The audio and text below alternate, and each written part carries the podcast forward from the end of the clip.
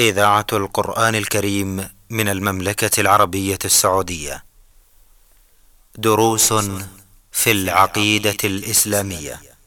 برنامج من إعداد فضيلة الدكتور صالح بن عبد الرحمن الأطرم. تقديم فهد بن عبد العزيز السنيدي. تنفيذ عبد الله بن سعد السبيعي. بسم الله الرحمن الرحيم الحمد لله رب العالمين وصلى الله وسلم وبارك على عبده ورسوله محمد وآله وصحبه أجمعين أيها المستمعون الكرام السلام عليكم ورحمة الله وبركاته أسعد الله أوقاتكم بكل خير وأهلا ومرحبا بكم إلى هذه الحلقة في برنامجكم دروس في العقيدة الإسلامية مع مطلع هذا اللقاء نرحب بفضيلة الدكتور صالح بن عبد الرحمن الأطرم فأهلا ومرحبا بكم شيخ صالح بارك الله بالجميع وحياكم الله حياكم الله. الشيخ صالح في الحلقة الماضية آه، بينا للإخوة المستمعين الكرام ونحن نتحدث عن سورة العصر هذه السورة المباركة.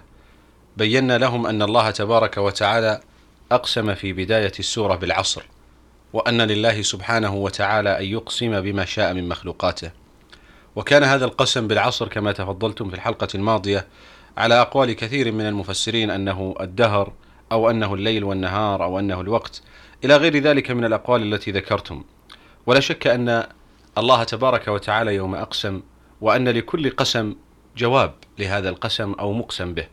نود في هذه الحلقة أن نتعرض إلى جواب القسم في هذه السورة وهي قوله تبارك وتعالى إن الإنسان لفي خسر. بسم الله الرحمن الرحيم وصلى الله وسلم على نبينا محمد وعلى آله وصحبه أجمعين.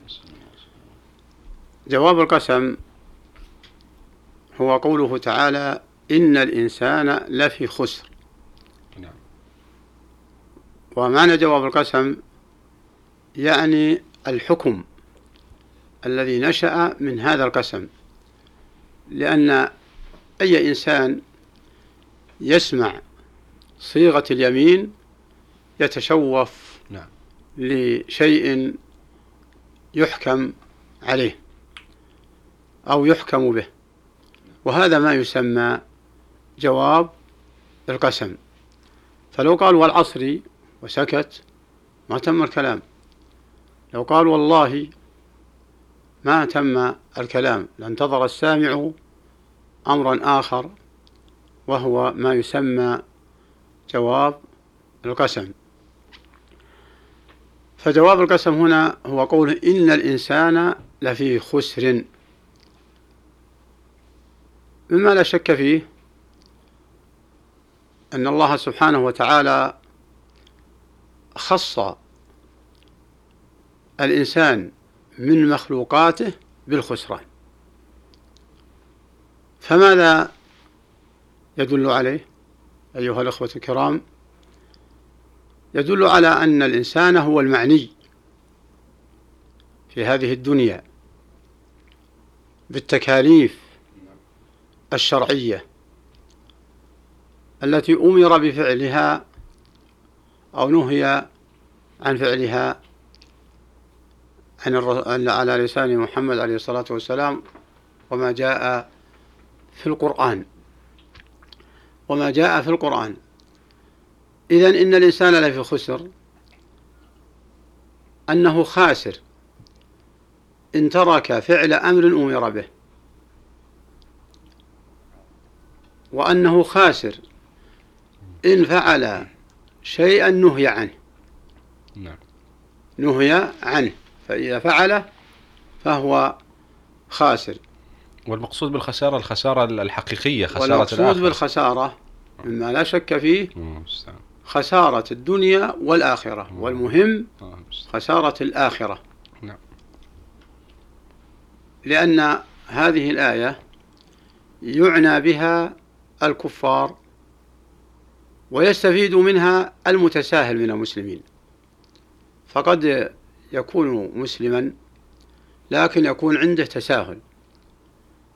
فإذا سمع هذا القسم إن الإنسان لفي خسر فإنه ما لا شك فيه أنه يزداد رغبة خوفا من الخسارة. كما لو اشترى تجارة تتحرى الوسائل التي يكسب بها الربح.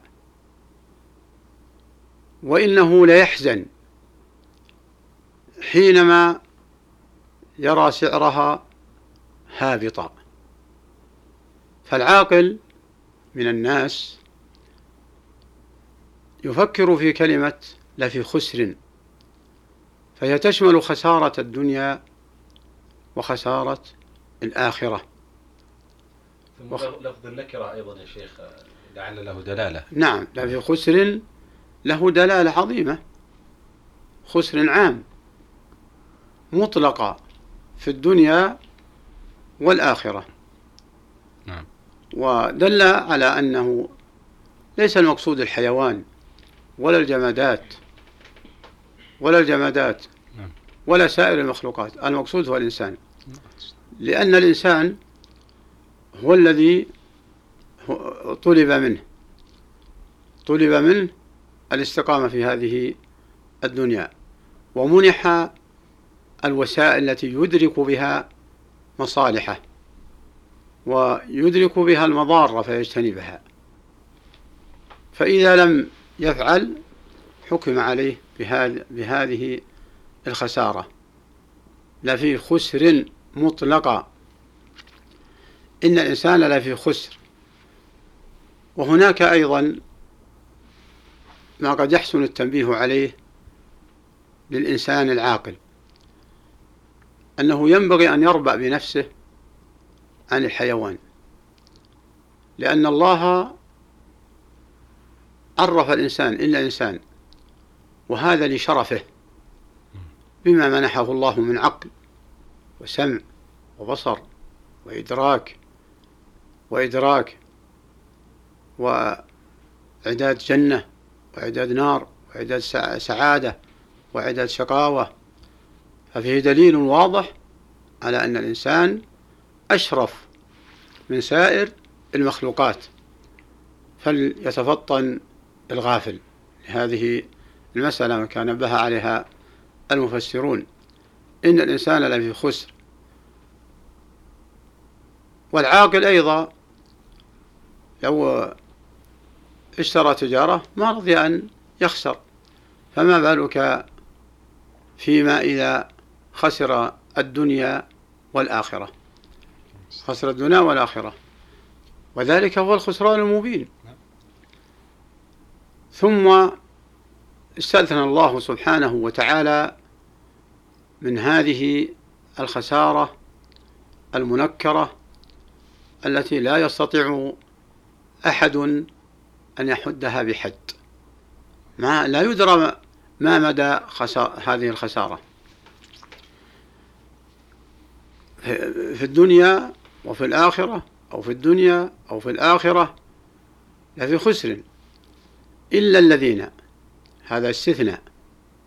معناه سيبين الله سبحانه وتعالى صفات الناجين من هذه الخسارة الناجين من هذه الخسران. فلهذا سمي العلماء هذه السورة سورة عظيمة.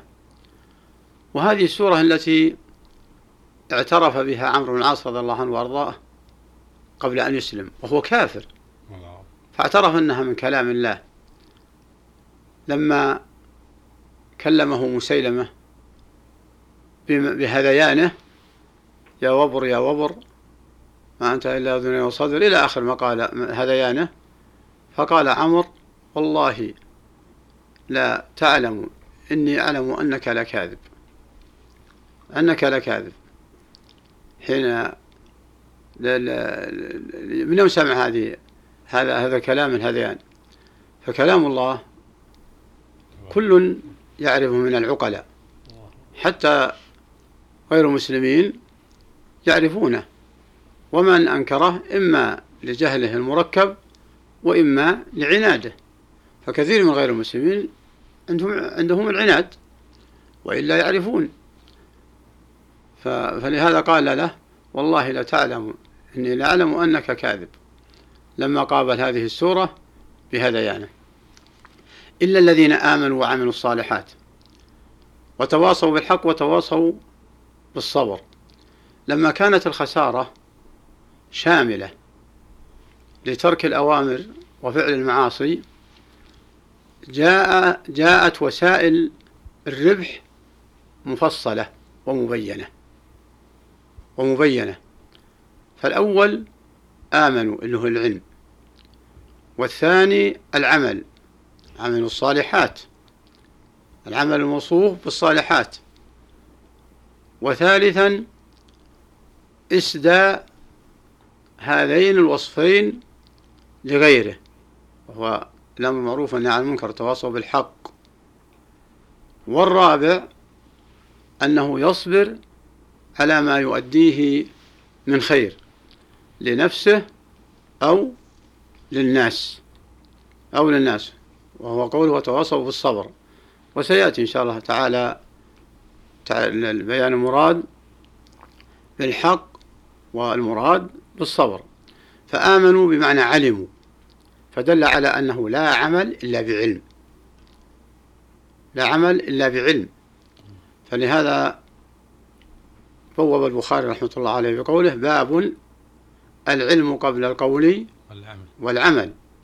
ثم استدل بقوله تعالى فاعلم أنه لا إله إلا الله واستغفر لذنبك. فعلمه بالعلم أمره بالعلم أول. ثم العمل وهو استغفر لذنبك. واستغفر لذنبك. وهكذا أول ما أنزل عليه عليه الصلاة والسلام آية العلم. فدل على أن العمل على جهل وضلال أنه لا يجوز ولا يقبل إلا الذين آمنوا وعملوا الصالحات ويشمل آمنوا بالإيمان بأمور الآخرة الغيبية.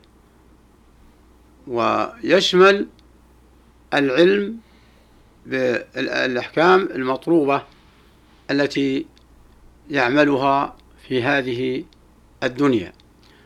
ويشمل العلم بما يجب تركه وما بما يحرم فعله من أجل أن يتركه. من أجل أن يتركه. نعم. فكل هذا يشمله لفظة آمنوا. و والنقطة الثانية العمل. النقطة الثانية العمل. وسيأتي إن شاء الله تعالى الكلام حول العقيدة في العمل في الحلقة الثانية إن شاء الله تعالى شكر الله لكم شيخ على هذا البيان وأتمنى أن يتجدد اللقاء وأنتم على خير مستمعينا الكرام في الختام تقبلوا تحية زميلي يحيى عبد الله من الهندسة الإذاعية حتى نلقاكم في الحلقة القادمة بإذن الله تعالى نستودعكم الله والسلام عليكم ورحمة الله وبركاته. دروس في العقيدة الإسلامية. برنامج من إعداد فضيلة الدكتور صالح بن عبد الرحمن الأطرم. تقديم فهد بن عبد العزيز السنيدي. تنفيذ عبد الله بن سعد السبيعي.